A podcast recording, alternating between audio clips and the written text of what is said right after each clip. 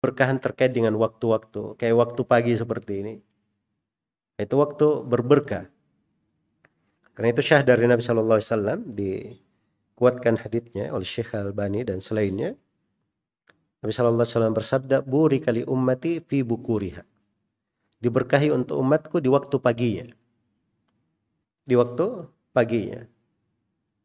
Waktu pagi itu luar biasa. Karena itu sebagian pedagang-pedagang sukses itu dia jaga betul waktu pagi.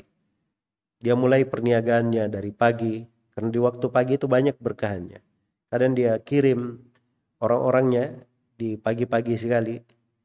Ya, sebab dianggap itu adalah waktu berberkah. Waktu yang berberkah.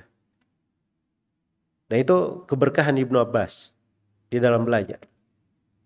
Ketika beliau ditanya, dari mana ilmu yang sangat banyak itu wahai Ibnu Abbas?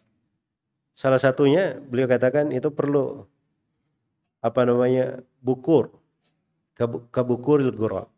Perlu pagi-pagi sekali seperti burung gagak itu pagi-pagi kali sudah dia pergi mencari mansanya. Ya. Perlu seperti itu.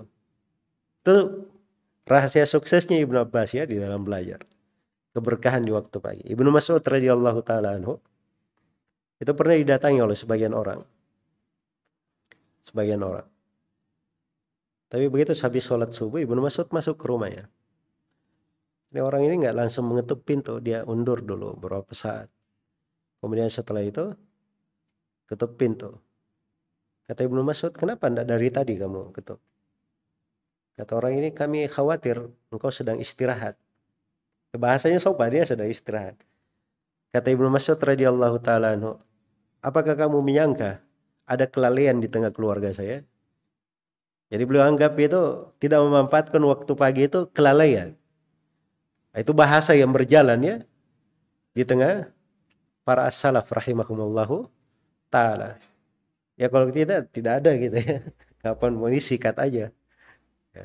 Tapi mereka itu ada waktu-waktu itu mereka pelihara, mereka jaga. Ya. Itu memang bentuk dari keberkahan. Selain daripada itu, dari pokok keberkahan itu dan pintunya, banyak berdoa dan memohon kepada Allah. Itu keberkahan itu, doa. Dan doa ini dari hal yang sangat indah sekali. Kalau kita tekuni di dalam hidup kita. Kita banyak bermohon kepada Allah subhanahu wa ta'ala.